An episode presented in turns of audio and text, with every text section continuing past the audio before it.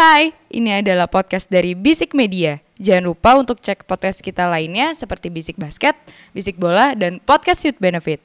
Oh iya, jangan lupa juga follow Instagram kita di @bisikmedia.id. Oke, selamat mendengarkan.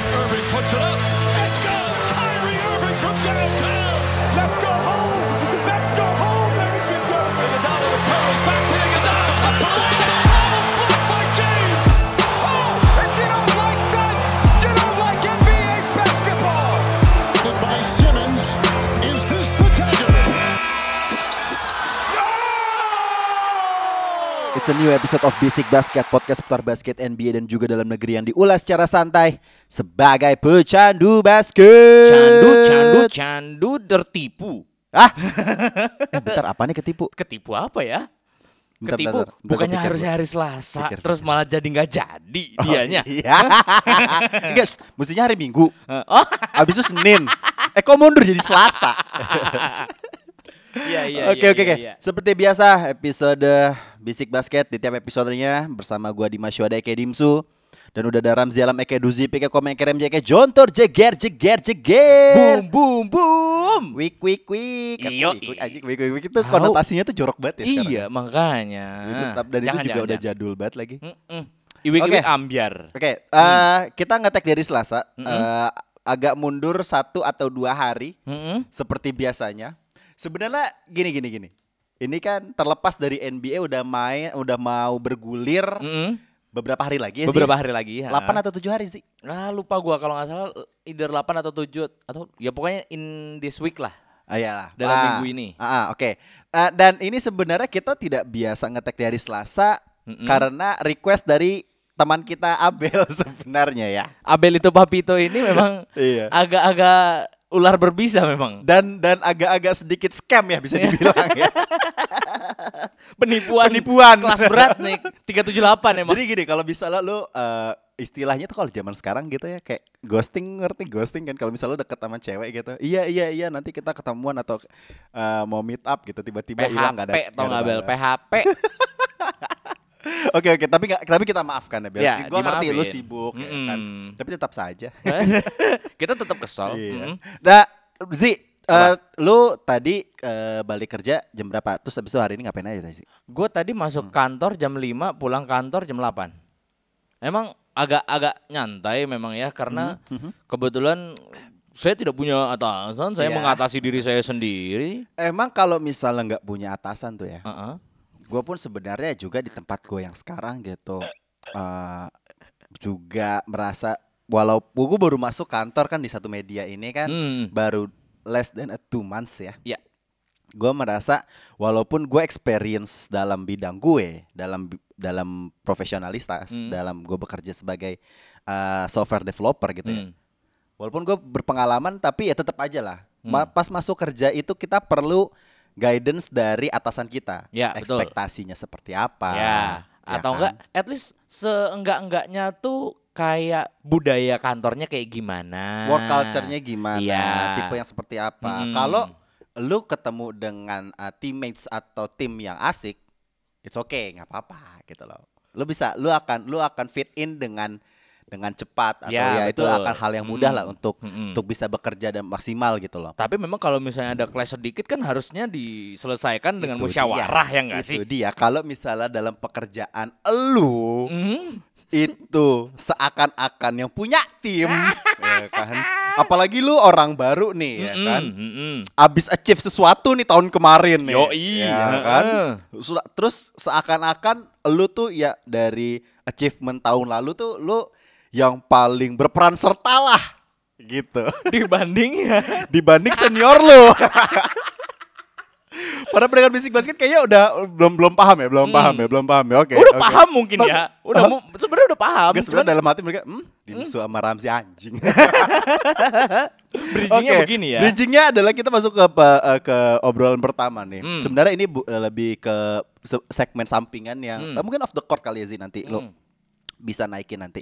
Ah, jadi di beberapa di sosial media tuh di platform eh, tentang basket di Hmm. episode eh di minggu-minggu yang lalu itu kayaknya lagi rame tuh ya. kan? Gempar.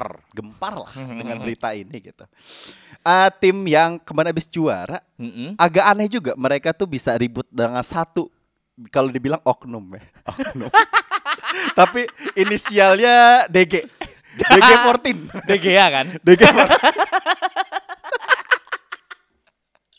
DG14. Eh, DG, DG23, sorry. sorry, sorry, DG23, iya, DG23. iya, iya. heeh. Ngelawan pemain eh, berinisial JP. JP3. JP, JP3. Eh, nomor 3 ya deh. Eh, iya kan? JP3. JP3. Iya, iya. Dari tim yang bernama Jack- GSW. Jackpot memang kan. Nah, eh ini hal yang nggak diduga gitu loh. Iya. Maksudnya Draymond Green yang harusnya mengayomi Hmm. dan juga Jordan Poole yang harusnya bisa menunjukkan dirinya adalah salah satu pemain yang di yang di, di apa namanya di eh menjadi pemain yang ujung tombak lah. Iya. Apalagi dia masih muda dan juga mungkin adalah dia adalah salah satu future-nya Warriors lah di musim yang akan datang gitu loh. Jadi altercation ini menurut gua agak-agak aneh yang di mana sampai Draymond Green tuh mukul bener-bener men itu menurut gua Draymond Green kalau misalnya nanti udah eh, udah nggak main di NBA ya Hmm. Bisa kemungkinan ada dua Apa? join WWE atau masuk UFC Aduh, kayaknya WWE sih kan karena entertain banget kan dia. Waduh, betul sekali karena udah punya media sendiri kan Mm-mm. tapi eh gua nggak tahu mungkin lu lu lu yang lu tahu eh, beritanya seperti apa penyebabnya tuh apa sih Penyebabnya adalah sebetulnya buat gue ya. Iya. Atau mungkin di media juga atau para pendengar bisik basket yang yang tahu juga mungkin bisa kasih tahu ya. Tapi ini kita bahas dulu aja. Sebenarnya kita penye- tahu. penyebab utamanya adalah tersebarnya video tersebut. TMZ, TMZ itu lambe turahnya sana men. Gila itu. Gila men, gila. Pantesan Iya. lambe turah bisa kencang sekali. Oh, ternyata caranya seperti itu. Iya, lanjut. Nah, gue juga gak tahu ya. Eh, gue nggak ngerti backgroundnya dari Draymond Green kenapa akhirnya mukul seperti itu. Tapi gue lihat dari gerak geriknya itu, gue nggak melihat dari apa ya Jordan Poole juga ngerasa kayak oh iya sorry ya gitu loh. Ngerti gak sih? Kayak Iya, iya. eh, ada apa ya eh obrolan-obrolan di luar sana tuh karena si Jordan Poole ini kayak udah mulai sombong karena udah akan mendapatkan oke. kontrak gede Mm-mm. terus kayak Dia mau Rocky extension kan? mm-mm. nah tapi kalau misalnya it's more personalized sih menurut Mm, gua ya karena nggak mungkin cuman karena itu doang terus gua nggak tahu apakah attitude itu semeters itu Ya. buat Draymond Green tapi gua nggak melihat kayaknya ini lebih lebih kompleks daripada dia cuma dapat kontrak baru doang gitu loh Iya, ngerti iya. lebih kompleks dan gua nggak tahu apakah di luaran sana entah dia ngajak main anaknya nggak tahu atau dia bete karena nggak pernah diundang ke podcastnya gitu kan nggak tahu sih Bisa saya jadi, gitu. bisa jadi, Mm. bisa jadi. Nah, tapi gini-gini. eh dari video yang tersebar itu ya, Mm, mm. gak ada satupun pemain yang ngedeketin mereka untuk melerai. iya Yang iya ada malah staffnya, ada yang di sekitar yang dekat-dekat dari di antara mereka Hmm, gitu loh pas hmm. kejadian. jadi kayak ya udahlah gitu Nah iya, yang menarik buat gue pribadi, kenapa nggak ada yang berusaha melerai gitu loh. Even Steph pun yang bisa dibilang wajahnya tim itu tersebut, yang punya andil besar terhadap tim itu, itu pun nggak take action sama sekali gitu loh. eh gua nggak tahu mungkin Ya itu kan videonya kan hanya Iya, potongan beberapa iya. sekian detik kan. mereka menganggap Setelah itu kan kita nggak tahu apa Mm-mm. gitu loh. Mereka menganggapnya kayaknya ya beefing biasa aja at Hmm. first ya. Tapi kenyataannya ternyata bogemnya mentah bet mentah Itu gitu loh. mentah banget. Mentah bet. Sampai knockout itu tuh bener-bener gila sih. Tapi yang aneh pas lawan Lakers Aha. Jordan Poole kayak nggak kenapa-napa ngerti gak sih? Kayak nggak ada benjol kayak apa kayak Iya. malah flashy gitu, Iya, malah iya. behind the back kayak Iya. begitu. Ah. Gua nggak Oh apa itu se- se- itu kejadiannya sebelum, lawan Lakers ya. sebelum. Oke, oke, nah, oke, oke. itu yang gue sebenarnya gue agak-agak agak-agak apa ya bingung juga sih ini eh apakah beneran nggak sih gitu loh? Apakah Ah emang gila sih kalau misalnya just acting atau something iya emang gila gimmick, banget sih. Menurut gue gila sih. Tapi kan eh tagline-nya NBA aja where the amazing happens. Tagline zaman kapan banget. ya, ya, ya, ya, Iya, ya, tapi ya, ya. maksud gua ya apa pun masalahnya mbok ya diselesaikan dengan baik gitu loh intinya sih. Kayak nah, gitu. Ini makin makin seru nih obrolannya di mana setelah kejadian tersebut, gua kan ya biasa lah Twitter Spade terus habis itu kemudian Ya. ngeliat eh, explore di Instagram yang di mana pasti banyak kayak isu-isu yang bersebaran Hmm, lah. hmm, hmm. Ini adalah salah satu indikasi atau cara Draymond untuk dia nge-request trade untuk bisa pindah ke tim yang lain. Lu ini ini liar banget sih kalau menurut Iya, iya, gue. iya, Jadi iya. kalau nggak dibahas ini sayang banget. Nah, Hmm.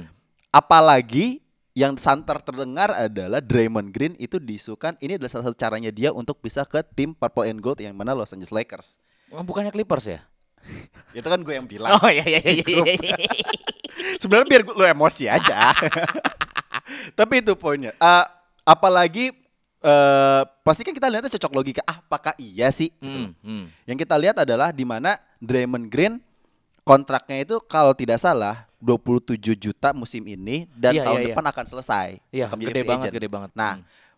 ada nggak indikasi-indikasi terse- eh, hal tersebut itu bisa menjadi kenyataan gitu. Walaupun ya, ya itu kan hanya ya isu-isu aja gitu. Tapi dari perspektif lu nih Zi, Hmm. mungkin nggak? Ya mungkin ada kedekatan atau Menurut gua justru Hmm. ada beberapa jadi gua gua juga ngeliat di Twitter juga di Instagram Hmm. eh, ada beberapa informasi-informasi liar lah ya. Hmm. Dan ada beberapa pihak yang menurut gua mengambil kesempatan dalam masalah ini. Salah satunya, salah satunya yang dari Iya, iya. Slovenia itu loh. siapa? Katanya Luka Doncic tuh Ya. minta minta Masa Draymond. sih? Serius, serius. Nggak, Me. Serius. Lu, lu tau ada lu seriusan? ada, gue dapat dapat informasi tersebut. Jadi Ini ini valid nih, valid. Valid, nih. valid. Lu kan lu kan orang dalamnya Pelicans tapi kan. Nggak Sekarang juga jadi sih. orang dalamnya Mark Cuban ya. nggak juga sih Tangan kanannya. Mark Cuban. ya who knows ya. kirain, kirain. Who knows ya. Amin. amin. Amin deh. Nah, Walaupun kayak seakan tidak mungkin. nah yang gue lihat tuh kalau Hmm. nggak salah three way-nya itu pakai eh, Ini lu- ini lagi Cavs mock trade- mock trade aja lah ya. Iya, mock trade aja pakai Cavs. Eh Caps lagi isu. Iya. Eh, Kevin Love nanti ke Golden State Warriors. Karena secara ga, propo- uh, proporsi gaji sama. Mm-mm, Oke. kurang lebih. Terus eh Dallas Mavericks akan dapat si Draymond, Draymond. Green.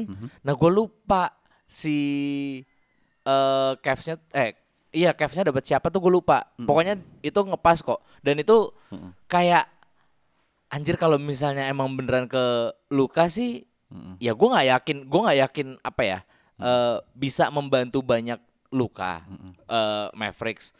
Cuman at least Draymond nih punya championship DNA-nya itu loh yang udah kurang lebih sama sama Walaupun dia Luka menyebalkan Doncic. tapi kita harus akui bahwa Draymond Green sosok leadership dan mengayominya itu iya ma- bagus. ya walaupun akhirnya Walaupun statistiknya ya udah lah, lu bisa Iya. menghina di, lu bisa ngejekin ah dia nggak efektif atau apa, tapi besides that dia bagus gitu. walaupun setelah diayomi diantemi ya kan nah itu kan yang liarnya ya tapi kalau buat gua gua sih masih berharap kalau misal ke Lakers juga sebenarnya gua nggak berharap banyak sih karena eh as we know Lakers nggak punya aset kecuali Russell Westbrook Nah, untuk di trade nah, talking about that, gua Iya kan? pas di berita tadi gua pas lihat Instagram, Hmm.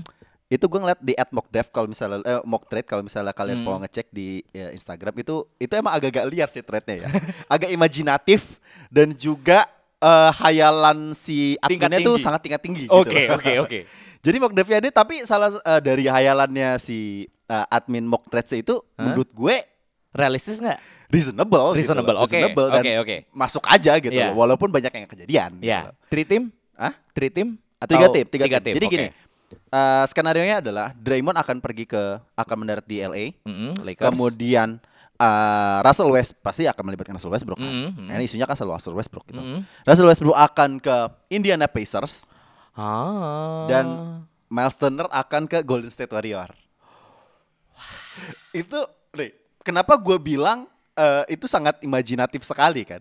Tapi reasonable gitu loh. Seakan-akan tidak mungkin, tapi kalau dipikir-pikir, wah Iya juga banget, ya, men, gitu ya. gitu Heeh. loh.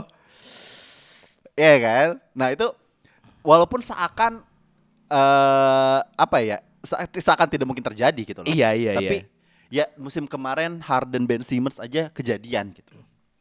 Iya kan? Iya sih. Nah, tadi gue udah bilang bahwa di samping dari kedekatan atau apa pun ya Draymond dengan LeBron kan sangat-sangat dekat kan. Hmm. Iya, Nah, iya, iya. Maksud gue mung- mungkin lah dengan dengan sedikit uh, persuasifnya LeBron ke GM kan bisa jadi gitu loh.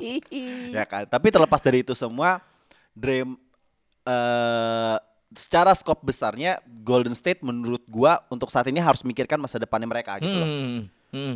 dengan Curry atau Clay dan uh, Dre menurut gua ya udahlah mereka udah apa pun yang udah mereka raih saat ini udah cukup lah. Udah Tapi the cukup. nextnya nih kayak gimana? Karena- Nggak mungkin mereka bertahan 2 3 musim ke depan Iya. akan dengan tim yang ini lagi gitu loh. Kalau nggak salah tuh ada satu satu akun pecinta basket gitu ya yang komen apa yang bilang bahwa Draymond Green itu bener-bener apa ya literally api gitu loh.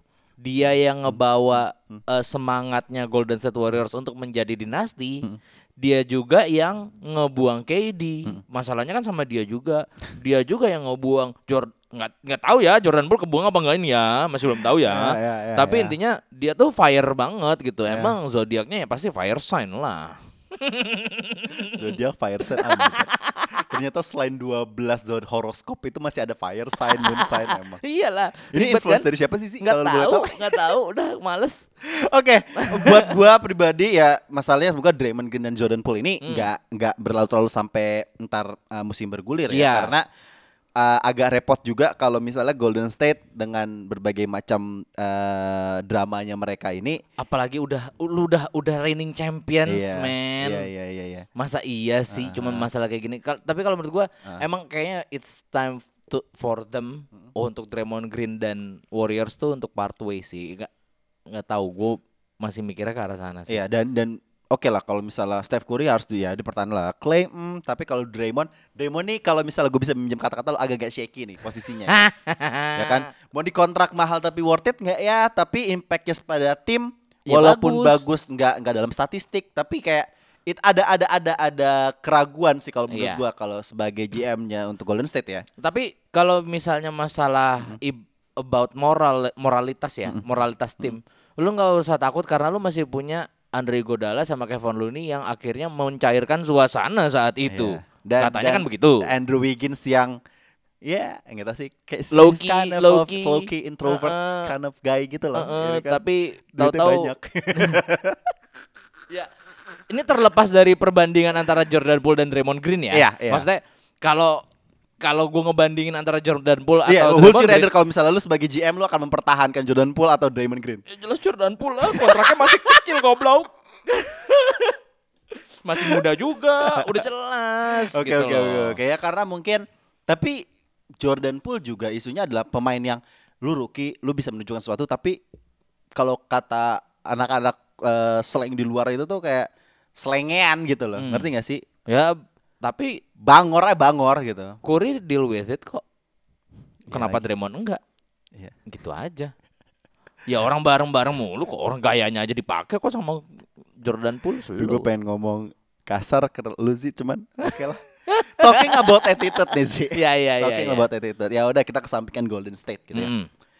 Mm. Tadi kita abis nonton podcastnya Altmans and the Trees-nya JJ Redick. Mm, mm. Gue tuh lagi gue tuh senang banget sama beberapa stand up comedian terutama gue abis nonton uh, uh, Indian uh, Indian American uh, stand up comedian. Hmm. Kalau misalnya kalian tahu Hasan Minhaj, itu tuh itu tuh dia tuh ternyata Oh dia tuh komik ya? dia tuh komik, Oke. dia tuh komik, dia komedian terus abis itu dia di, masuk komedi sentral.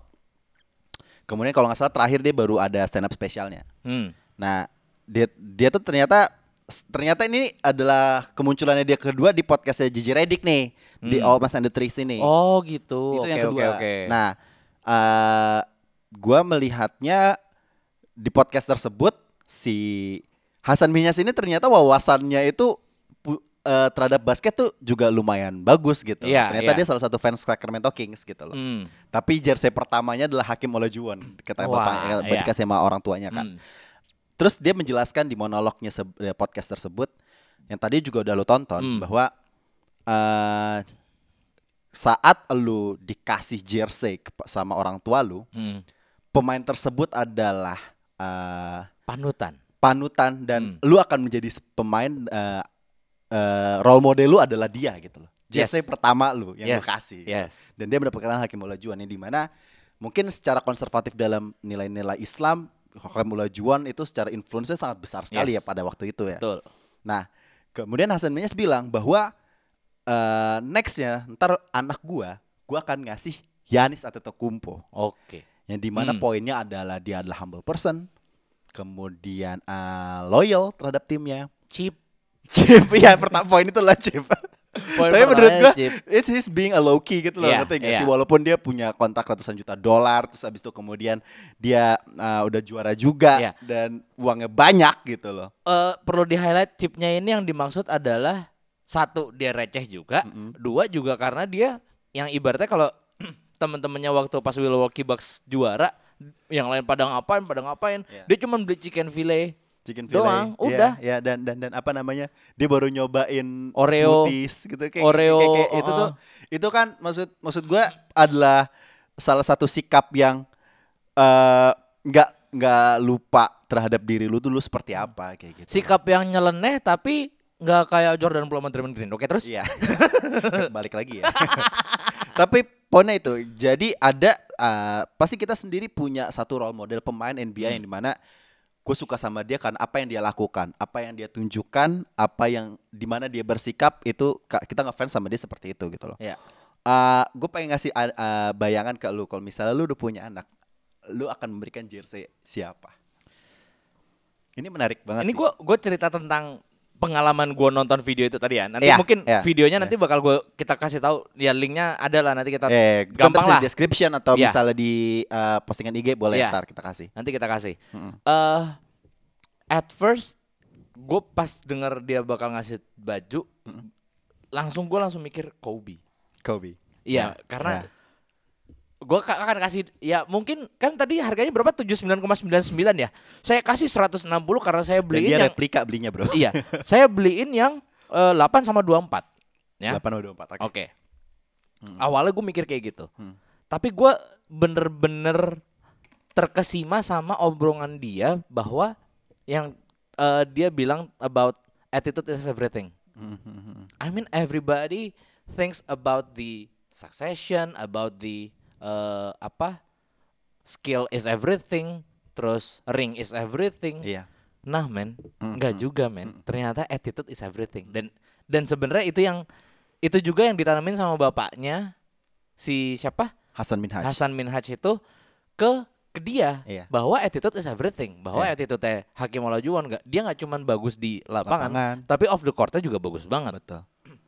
Dan gue ngeliat, men, Kobe itu gue kayak agak-agak ragu gitu jadi pas sama Kobe itu. Tapi setelah gue lihat-lihat, iya ya Kobe juga apa dia orang yang bener-bener apa ya? Lu ngeliat di ngeliat sosok Kobe aja tuh kayak langsung, wah ini orang baik nih. Mm-mm. Walaupun lu tahu Mamba mentalitinya Iya. about kegilaannya dia waktu selama dia masih di Lakers yang dia tangannya patah kanannya terus dia free throw pakai tangan kiri. Iya. terus dia pas apa ACL terus dia free throw dengan terpincang-pincang. Dan menurut gua gini poin-poin yang disampaikan dari Hasan Minhaj itu adalah loyal to the team terus eh apa sih? Family oriented. family oriented juga. Kobe kurang family oriented apa? Gitu sih. Kalau gua sih kalau gua sih ngelihatnya dibanding bapak apa itu LeBron James. ya kayak saya masih pegang Kobe Ya, sih ya, ya. kalau lu Gua Gue sampai sekarang sih, gue tadi nonton eh, vid podcast itu tuh dari sore gitu ya. Hmm. Terus habis sampai sekarang pun kita ngetek aja gue masih masih masih bingung gitu. Gue akan membelikan kalau misalnya gue nanti punya gue pengen beli jersey siapa gitu ya. Hmm. Tapi kan gue berangkat dari eh, suka basket itu eh gak gak bukan turunan dari kecil gitu loh. Mhm. Bukan orang tua gue yang suka basket, Hmm. tapi kan karena gue emang dari SMA gue suka baru baru nontonin basket nyari sendiri lah dari ya sendiri karena curiosity sendiri juga gue Hmm. main baru lah gue jadi pecinta basket pecandu basket gitu loh dan wajah pertama yang gue lihat sebagai as a fans sebagai penikmat ya mau nggak mau ya gue melihatnya dari LeBron James ya oke Terlepas dari gini-gini. Kalau tadi lu bilang bahwa ada value-value yang dibawa dari tiap pemain Hmm. yang menjadikan itu diri lu dan itu menjadi pedoman hidup lu. Hmm. Kayak tadi family oriented yang tadi Hasan Minas bilang, kemudian juga dengan etos kerja yang mungkin ada di sosok Kobe, Hmm. family oriented. Hmm. LeBron pun juga nggak kalah nggak kalah punya value-value tersebut gitu Ya. loh. Kayak family oriented ya dia kurang family oriented apa sih? Ampe- Anaknya dua, Hmm, semuanya dididik biar bisa NBA ready lah ibaratnya Biar ya kan. bisa jadi programmer game basket ya kan? Oh ya filmnya IMDb 3,5 itu. Space Jam itu.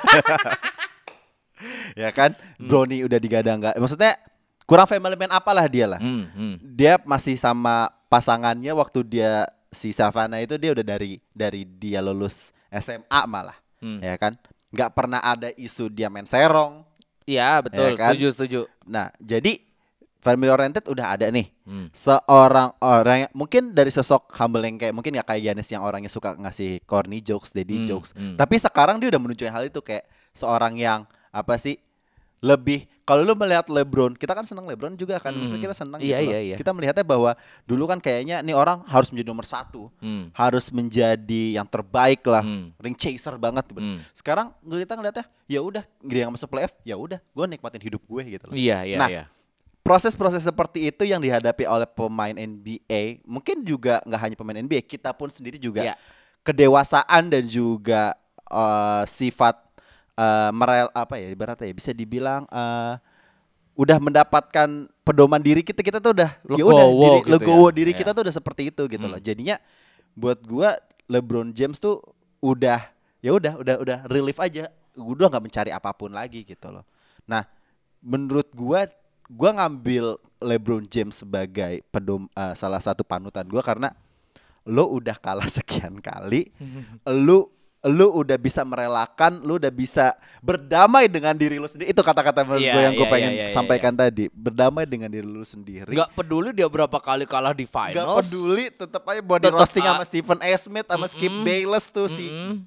Ah, bangsat ya. itu mm-mm. ya kan tapi dia tetap gak peduli tetap Iya. gue kaya kaya juga yang penting gue Mm-mm. hidupin diri gue Mm-mm. keluarga gue apa pun orang bilang di luar sana Mm-mm. I don't give a shit gitu Toh gue juga akan tetap eh, berada di obrolan greatest of all time. Ya, tapi dia nggak nggak nggak keganggu dengan gue menurut gue dia nggak keganggu dengan Iya, hal itu ya. iya, iya, dia kan dia tetap jadi bilioner. Lu lu lu mau mendebat gue terbaik atau MJ ya MJ menurut gue salah satu yang terbaik dia kan Iya. greatest Michael Jordan pas dia ngom Iya. pas dia launch Space Jam diundang sama Jimmy Kimmel kan. Dia Hmm. bilang bahwa ya udah gue ngikutin ini karena because, because, uh, sebelumnya Space Jam ada the greatest Michael Jordan bla bla bla bla bla.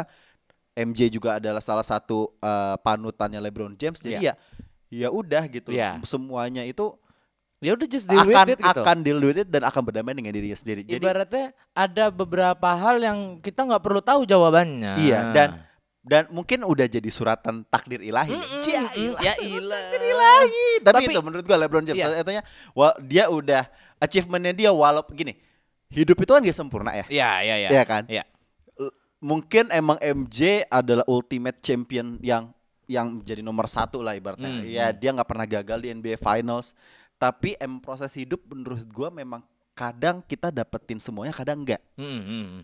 Iya. Tapi LeBron James menurut gue dia tetap berusaha untuk mendapatkan menjadi yang terbaik, dapetin cincin juara walaupun dia jatuh dan gagal berkali-kali. Menurut gue itu mental yang yang prinsip hidup yang bisa gue tularkan ke anak gue nanti. Makanya Iya. gue akan beli LeBron James. Nah, gitu. kalau gue juga sebenarnya kurang lebih Hmm. sama. Ya, both of them, eh, both KD, eh kayak kok KD sih tiba-tiba, both Kobe sama Hmm. And LeBron, LeBron. itu eh, udah technically gifted, Oke.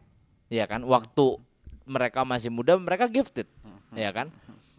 But dua-duanya sama-sama apa ya? Thrive for greatness gitu loh ibaratnya. Hmm, Mereka tetap berusaha, mereka tetap bekerja keras. LeBron akhirnya dari yang badannya cungkring kayak gitu walaupun udah bisa ngedang sekarang jadi kayak Hmm. gini. Iya, iya. Kobe tetap dengan hustleness-nya, Ya. dengan exercise-nya yang gila-gilaan banget. Yap. Mungkin kalau misalnya ethic ya work ethicnya kayak gitu banget. Mungkin kalau satu orang yang selain kedua itu ya, gue gue kepikiran ya Hmm. Menarik. maksudnya Nama lain, nama, lain, nama lain selain ya I mean like MJ, Kobe, LeBron itu kayak ya udah lah. Iya, ya iya. gitu loh. udah Role kejawab. model di era kita lah. Mm. Kalau gue boleh kasih satu orang selain itu, mungkin Curry, Curry ya. mungkin Steph karena ya low key juga, nggak banyak bacot, nggak banyak kena masalah, terus juga apa ya? Dia leads the team, dia oke lah mungkin sometimes dia being cocky gitu, cuman itu bukan itu ya itu dia di lapangan gitu loh. Dia di luar buset lucu banget nyet. Yang dia ke Jimmy Kimmel, dia ke Allen beberapa kali dan itu menurut gua ya siapa yang nggak kenal Aisyah, siapa yang nggak kenal anak-anaknya gitu loh. Riley. Riley yang dia bikin oriented lagi, Iya, oke. bikin tos-tosan juga sama anaknya. Walaupun kalau misalnya gue tadi milih LeBron James uh, agak bertolak belakang dengan Ya- Yanis ataupun Kobe dan juga Steph ya. Dari sisi loyal loyalty gitu. Ya, loyal, ya. loyal gitu kan. Um, jadi benar-benar tim tapi memang apa ya? Ini topiknya akan akan lebih melebar lagi t- eh, kalau misalnya ngomongin loyal eh, loyalitas ya. Hmm. Tapi buat gue pribadi memang kalau lu tahu tujuan hidup lu, lu pengen seperti apa untuk diri lu ya go ahead gitu loh. Karena Ya. karena jadi gini, buat buat gue pribadi semuanya balik lagi ke selera dan emang pemain NBA tuh yang lu suka itu mencerminkan diri lu. Lu Yes. sukanya seperti apa? Kalau tipe yang dem yang loyal, kemudian Curry Iya, gua baru mau bilang ataupun Dame. Yanis, Yep. ya ya ya lu akan suka sama mereka kalau lu udah kelihatan lu tuh orang yang loyal. Iya. Tapi lu mencari achievement dari diri lu yang pasti lu akan nyari LeBron James, Hmm. ya kan ataupun misalnya ya siapalah nama yang yang lu yang pindah-pindah tim mencari J.R. cincin Smith. juara, Hah? Jimmy Butler, ya kan. Kayak gitu. Tapi kalau misalnya satu nama lagi, kalau misalnya gua bisa memberikan jersey pada anak eh, jersey pemain NBA ke anak gua nantinya, Hmm. mungkin satu nama adalah Derrick Rose. Wah, iya lagi anjing. Gini, eh, terlepas dari dia juara, eh, dia belum pernah juara. Dia ya belum kan? pernah juara. Dia belum pernah juara. Eh, dia juga eh, mungkin pada saat ini kita akan sangat sulit bisa dia mendapatkan cincin juara ya. Iya. Terlepas dari dia umurnya udah nggak muda lagi, eh, history dia dengan cedera juga udah sangat-sangat memperburuk karirnya dia lah. Itu berarti Hmm. udah hitam dalam karirnya dia gitu loh. Tapi dari sisi nggak pernah nyerahnya itu yang pengen Iya, gue iya. ajarin ke anak. gua. Dia dia bisa berdamai dengan kondisinya dia saat itu gitu loh. Itu wah gue Iya. ini out of context dikit ya. Karena thank you banget lu udah mention dari Ya, Rose ya, juga. Derrick Rose. Gue baru inget, gue tuh kepikiran, gue tuh mau bikin tato lagi, gue mau bikin nambah tato. Tapi gue tuh bilang, gue tuh bilang, Ah, gue nggak mau ada muka gitu loh di badan Iya. gua. Tapi kayaknya satu-satunya orang yang mukanya bisa ada di badan gue cuma Derrick Rose doang. Jadi gue Ya. konsep gue kayak Ah. setengahnya mawar, setengahnya mukanya Derrick Rose. Gua agak kebayang sih, tapi agak aneh itu. Agak Apa-apa, aneh. It's okay, it's okay. an- agak your aneh. body, your choice. Iya. my body, my authority. Betul. Iya. Tapi gitu, eh, buat gua Iya, karena kan Rose sih, iya. topik obrolan ini lah bu- bu- bukan hanya itu, itu tapi eh, Jadi gini, apa apa yang bisa lu berikan value apa yang Iya. bisa lu kasih kepada anak lu terhadap Via- pemain NBA iya, tersebut. melalui Jadi lu jersey ngajarin gitu tersebut loh. gitu, kan. Mm. Melalui jersey tersebut. Iya sih, maksudnya Iya. Never give up, never surrender. iya Derrick Rose. Dari Iya karena sih. karena susah banget man. Kayak kayak gini loh. eh, John John ki- kita lihat pemain-pemain yang mungkin di eranya hampir mirip ya, 2008, Hmm. 2010-an Iya, lah. iya. Kayak kita kenal Derrick Rose, kemudian ada John Wall, ada Russell Westbrook saat ini. Hmm. Ini semua dari di med- medio 2008 sampai 2010 eh sedekat-dekat itulah era-era Iya. tersebut lah.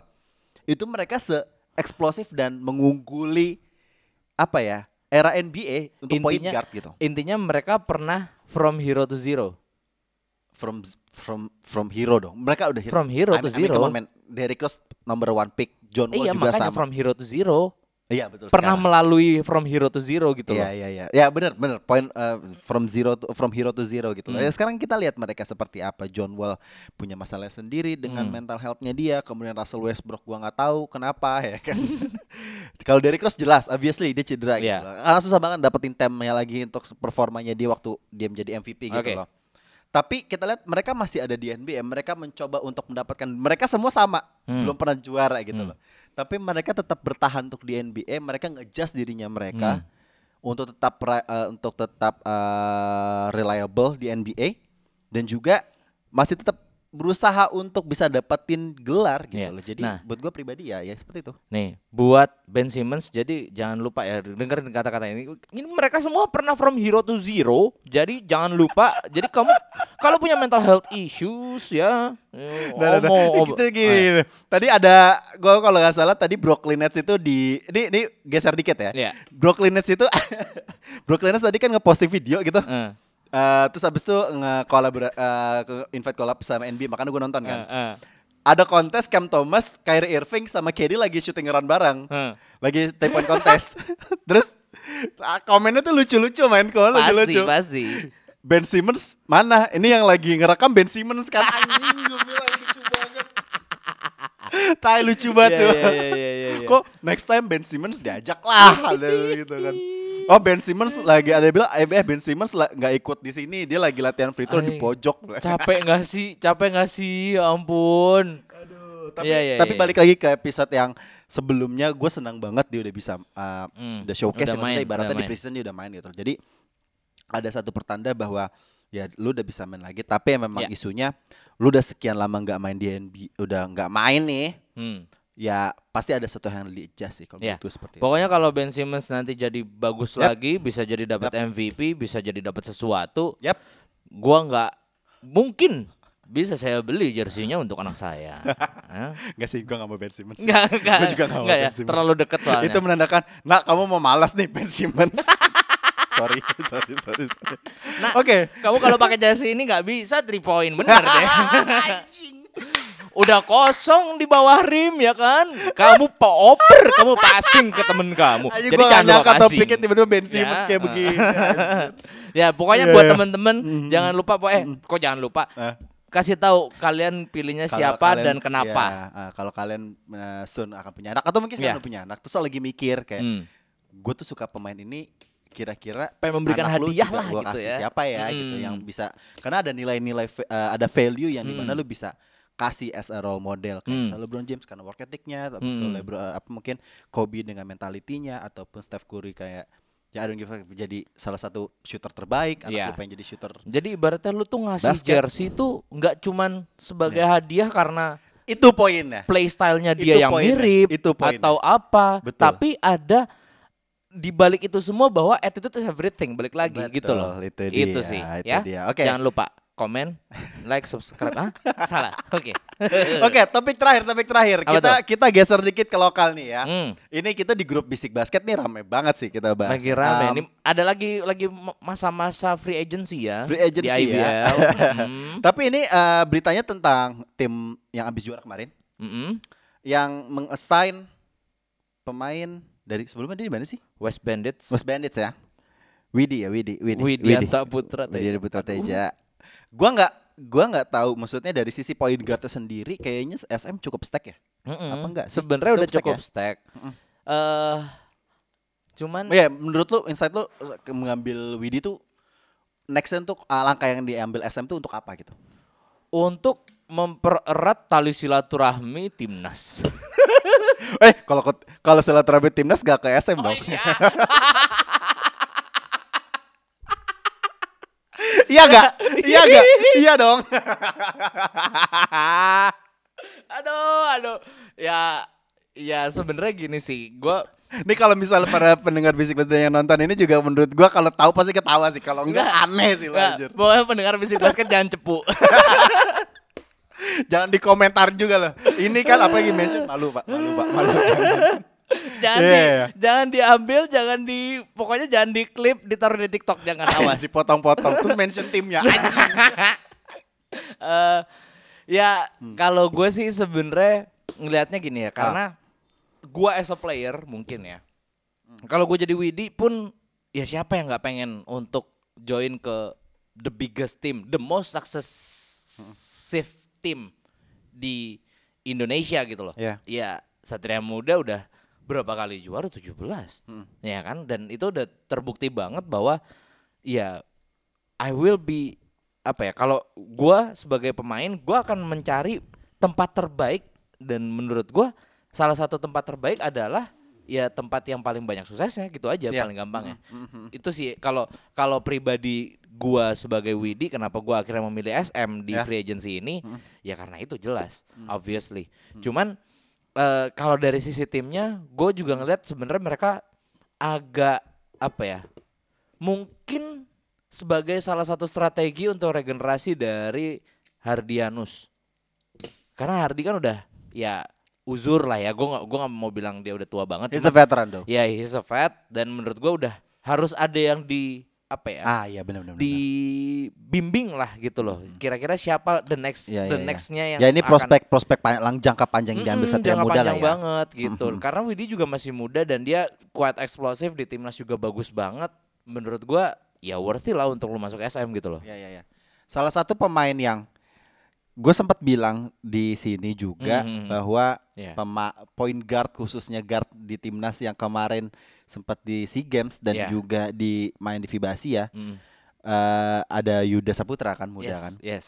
Tapi gue amat menyayangkan sebenarnya Widi itu juga punya potensi yang sama kalau misalnya dikasih kesempatan lebih, Ya. minutes play yang lebih banyak, menurut gue juga Widi bisa bisa se semaksimal itu gitu loh. Dan gue satu Karena lagi emang sorry, karena emang di di di West Bandits juga gue melihatnya ya dia juga bagus gitu banget loh. banget dia bisa nge-carry tim sebesar West Bandits menurut gua oke banget lah dan menurut gua it's time to level up your game gitu loh.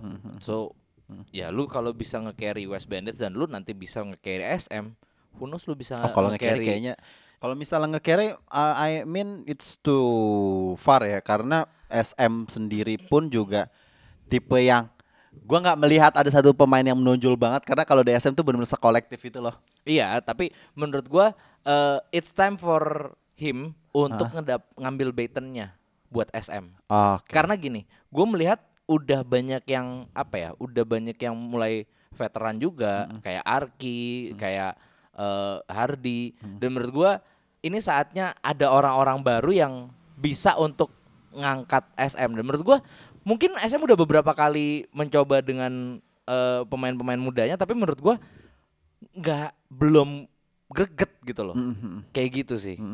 Makanya gue Iya. mikir ini Widi sebenarnya di satu sisi gue sebagai fans basket kayak agak kesel ya karena anjing jadinya OP banget, jadi overpowered banget. Cuman ya this is the the journey buat dia gitu loh. Ya dia harus masuk ke tim yang terbaik Ya, gua. ya sebenarnya menurut gua setelah SM kemarin menjuara terus habis mendapat kedatangan pemain yang secara kaliber juga bagus banget ya di- dari sisi guard. Ya menurut gua sah-sah aja gitu loh. Iya, iya. Yang penting Kayak City dapat Halan kan? iya, maksudnya sah-sah aja. Kalau makin OP ya it's okay nggak apa-apa. Tapi menurut gua gua lebih melihatnya bahwa ayo dong tim yang lain juga harus melakukan improvement. gitu Yes, loh. itu dia, itu Gitu dia. loh. Jadi walaupun SM ya oke kemarin ya, mereka juara dan menambah uh, amunisi untuk menghadapi musim depan, Ya, yang ya, lain ya, yang loyo. lain juga harus gitu loh. Jadi mungkin menurut gua ini jadi jadi semacam trigger juga untuk tim-tim yang lain seperti PJ, mungkin Prawira dan juga West Bandit sendiri Ya. ya atau tim-tim yang lain ya. Iya. Ya untuk juga mempersiapkan diri untuk Yes. menghadapi musim depan gitu. Apalagi terlepas kayak tim-tim yang baru kayak Rans. Ya, Bung ditambah WB WB juga habis ngam- ngambil pelatih baru.